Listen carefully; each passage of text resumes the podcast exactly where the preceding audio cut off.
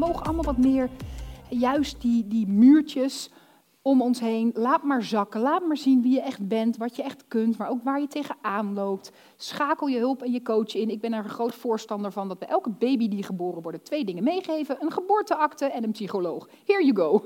Succes in het leven. Je wil het niet, niet alleen doen, gewoon. Je komt zoveel tegen. Maar wij mogen wel dat voorbeeld gaan zijn van dat we het allebei doen. En ik denk dat jij heel goed weet dat als je dit niet nu gaat doen met dit boek, dat je zelf constant tegen je eigen, ja maar er zit meer in mij. En ik ben het niet aan het doen. Dat je daar tegenaan loopt. Right? Ja, dat klopt. Want op het moment dat jij dit soort dingen gaat zeggen, dan denk ik ook van ja, gut, en hoe, hoe, hoe, doe je dat dan op, uh, hoe doe je dat dan op social media? Want weet je, dat hele zichtbaar worden, dat, maar dat is ook iets waarvan ik denk, mm, ja. Nou, uh... ja. Ja, hoeft van mij niet. Nou, één, het hoeft nog helemaal niet. Nou, ik zou het wel willen. Kijk. Uiteraard. Oké, honest question. Wie zit er hier en zegt, ja, nou ja, het hoeft nog niet gelijk op social media. En, eh, maar wie wil eigenlijk gewoon heel graag veel meer zichtbaar zijn? Wie heeft gewoon dat verlangen? Ik ben zo blij met je eerlijkheid. Ja, ja, ja, ja, ja, ja. Hey! Heerlijk, fantastisch. Ja, en, en dat is ook het leuke aan deze tijd. Hè? Het kan ook allemaal. Alle kanalen zijn ervoor. Dus je kan zo lekker makkelijk zichtbaar worden. Maar ja, oh jee, wat vinden mensen daar dan wel niet van? Wat naar. Oké, ik neem je even mee terug naar 2016.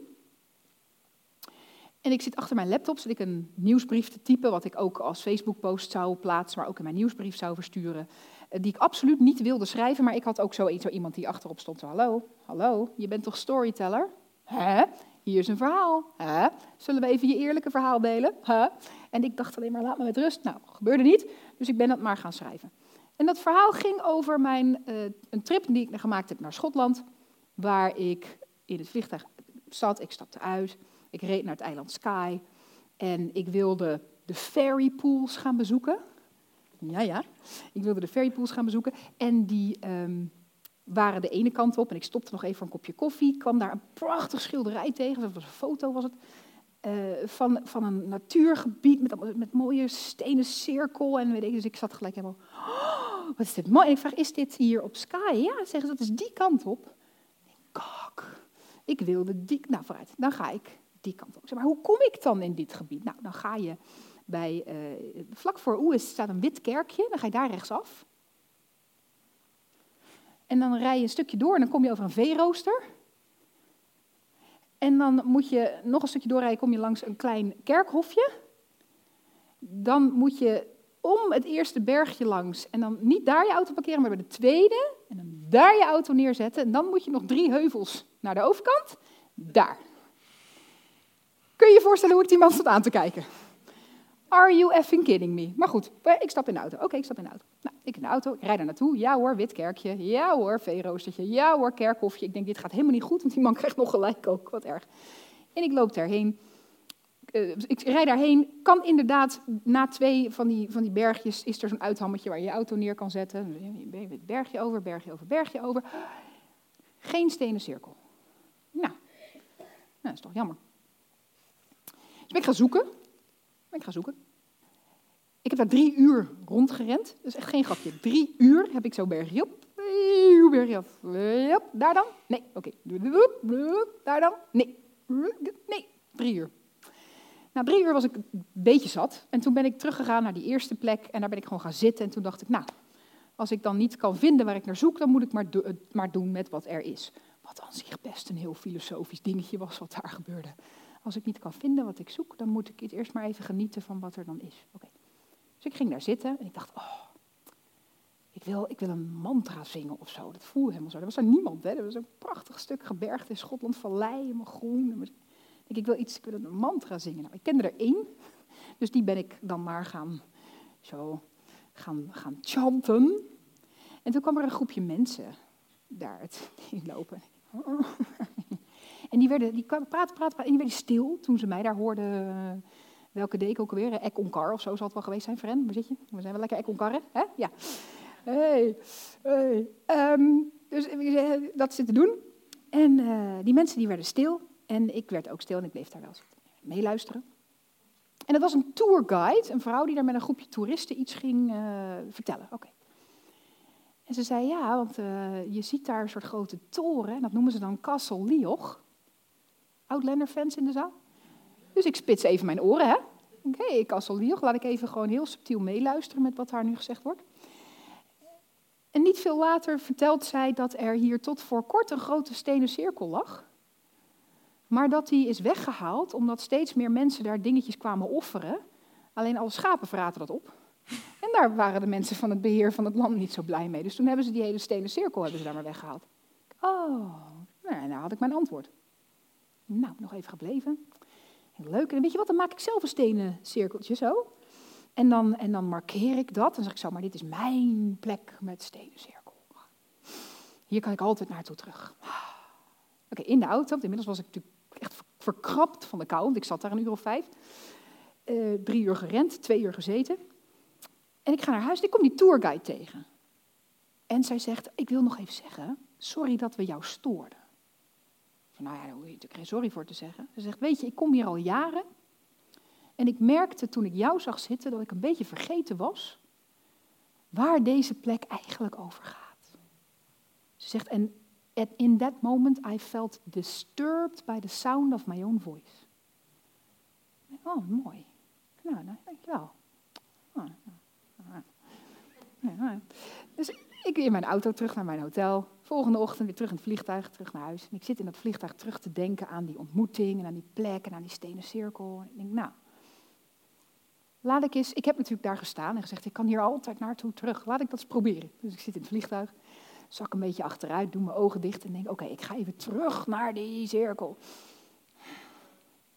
Terug naar de cirkel. En ja hoor, ik sta daar in die cirkel, een beetje net zoals wat we net hebben gedaan met die ogen dicht en in de foyer en zo, weet je wat ik, ja, ik sta daar, mooi. En ik draai mij om en ik begin te gillen, want ineens staat dat hele veld daar, wat ik kende als helemaal leeg en sereen, en er staat helemaal vol met elfen. Lange, niet van die, van die kleintjes met vleugels, hè, dat is Disney, van die grote, met van die, van die soort van gewaden, dat je denkt, wat ben je? Je ziet gewoon dat het niet, weet je, dat, was evident. Dat ik keek en dacht, dit is, dit is niet menselijk waar ik naar sta te kijken. Gewoon niet. Kan je zien. Heel hard te gillen. Nou had ik alleen niet in de gaten dat ik ook daadwerkelijk hard op zat te gillen in dat vliegtuig. Paniek in de cockpit. Gaat het? Gaat het? Ik zei, ja, het gaat. Wat is er?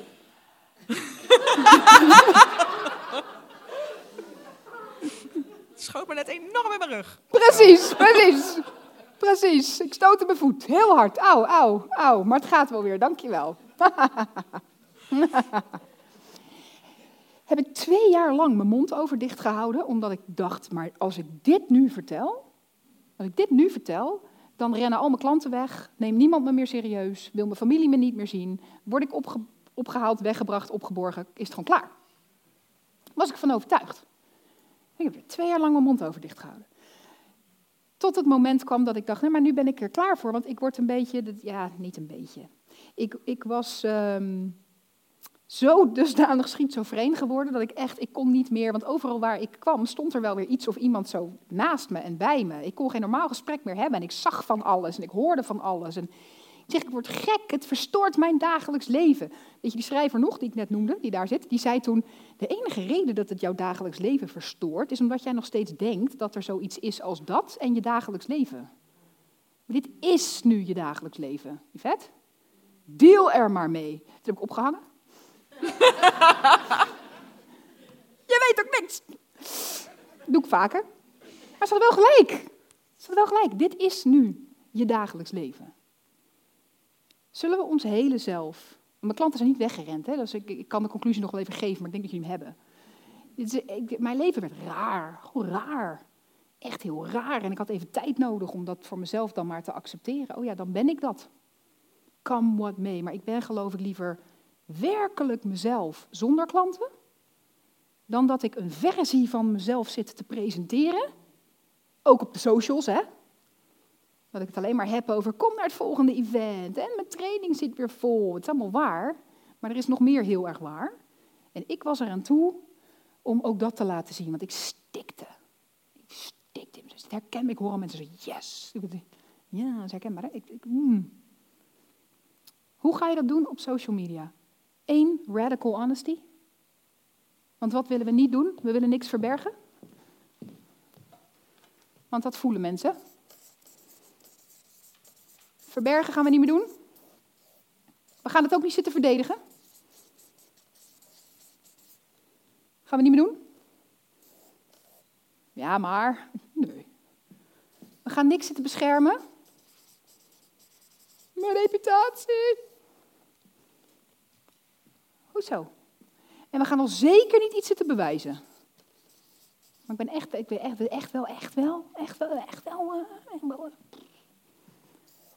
Doen we niet op de socials, doen we ook niet in verhalen. Doen we ook niet in verhalen. Als je iets opschrijft op de socials, check even. Zit ik iets te verbergen? Ja, want als je natuurlijk jezelf echt ziet, dan heb je een veel leuker leven. En dan ga je, en wij voelen met z'n allen. Zit je nou te verbergen? Wat wil je nou eigenlijk zeggen? Mag, het over mag ik horen wat jij werkelijk vindt? Ik, heb, ik wil niet horen wat jij vindt dat ik. Als jij, als je, dan jij, ik. Jij, ik wil jouw mening horen. Gewoon. We gaan niks zitten verdedigen. Maakt niet uit waarom je bent zoals je bent. Je bent zoals je bent. We gaan niks zitten beschermen. Hij moet dit toch maar een beetje weglaten. Want dan, dan, dan wat? Nee, hoeft helemaal niet. En we gaan ook niet zitten bewijzen. Ik ga wel even laten zien hoe. Uh... Nee, het is wat het is. Het is wat het is. Als je het aandurft om dit allemaal weg te laten, in elk verhaal, in elke post, in je hele energie en intentie, dan kan je niet misgaan op de social media.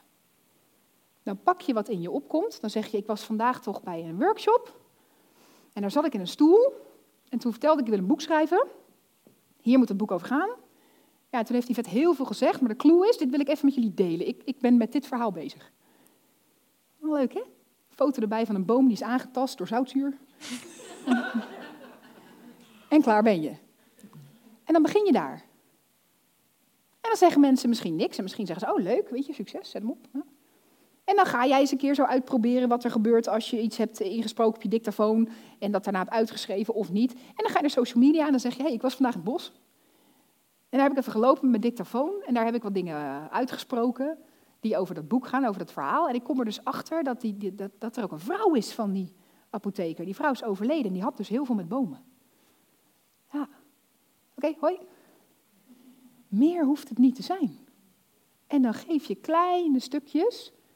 Als je niet, wil, als je niet precies weet waar je verhaal over moet gaan, maar je wilt wel zichtbaar worden, Doe dan het enige wat je kan doen en waar al je power zit. En dat is opschrijven wat er nu is. Nu. Waar ben ik nu mee bezig? Wat gaat er nu door me heen? Ook al is dat, ik weet eigenlijk helemaal niet of ik wel op social media van alles blijf delen over het boek. Dan schrijf je dat op. Dan zeg ja, ik kom even zeggen dat ik, dat ik eigenlijk helemaal niet weet hoe dit, of ik meer ga delen van dit op de socials. Uh, geen idee. Dat zie ik later wel. Hoi. En hier is een foto van mijn eten. ja, dat schijnen mensen te doen. Dus dan schrijf je op wat er nu is. Dan schrijf je op wat er nu is. Gewoon nu.